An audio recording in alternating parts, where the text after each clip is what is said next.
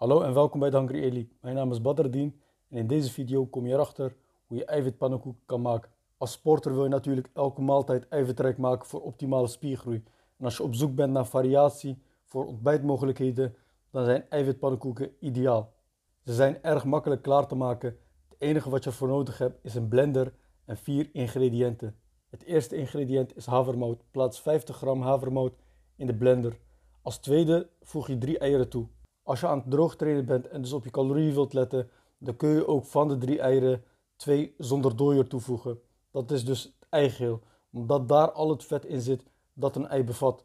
Maar voor degenen die zich puur focussen op spiermassa opbouwen, is het juist goed om de dooiers erin te laten.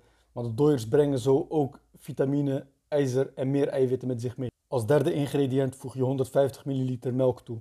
Melk is trouwens belangrijk om de eiwitpannenkoeken zacht en luchtig te krijgen. Dus je kunt spelen met de hoeveelheid als je vindt dat de pannenkoeken te tij of te zacht zijn. Stel dat je na je eerste gebakken pannenkoek vindt dat het te tij is, dan voeg je iets meer melk aan toe en zullen de volgende pannenkoeken zachter zijn. Dan hebben we als laatste eiwitpoeder. Voeg 1 serving toe. Dat is bij de meeste eiwitpoeders 2 scheppen. Start vervolgens de blender om alle ingrediënten te mixen totdat het verandert in een textuur dat vergelijkbaar is met pap of dikke yoghurt.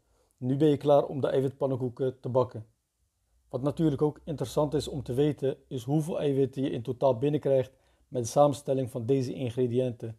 Nou, zoals je hier ziet, in totaal kom je uit op 66,8 gram eiwitten, wat dus enorm veel is voor een maaltijd. Verder krijg je 44,3 gram koolhydraten binnen en 28,5 gram vet.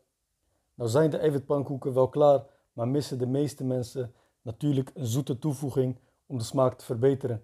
Dit zijn lekkere en veelgebruikte opties om niet mee te bakken, maar toe te voegen nadat de eiwitpannenkoeken klaar zijn. Ik heb ze in twee categorieën verdeeld, zodat je weet wat qua calorieën meevalt als je op je calorieën wilt letten en wat je extra kan gebruiken als je snel wilt aankomen zonder je zorg te maken om de hoeveelheid calorieën. Voor droog trainen, dus als je het vet probeert weg te werken, dan zijn opties als suikervrije stroop, stukjes aardbeien, blauwe bessen, een banaan in schijfjes of yoghurt met een smaakje prima opties. Maar voor bulken, als je dus snel wilt aankomen, snel spiermassa wilt opbouwen, zonder je al te druk te maken om de hoeveelheid calorieën, dan kan je alle opties van droog trainen ook gebruiken. Maar je kan ook als extra alle fruitsoorten proberen: pindakaas, chocolade, honing en gewone stroop.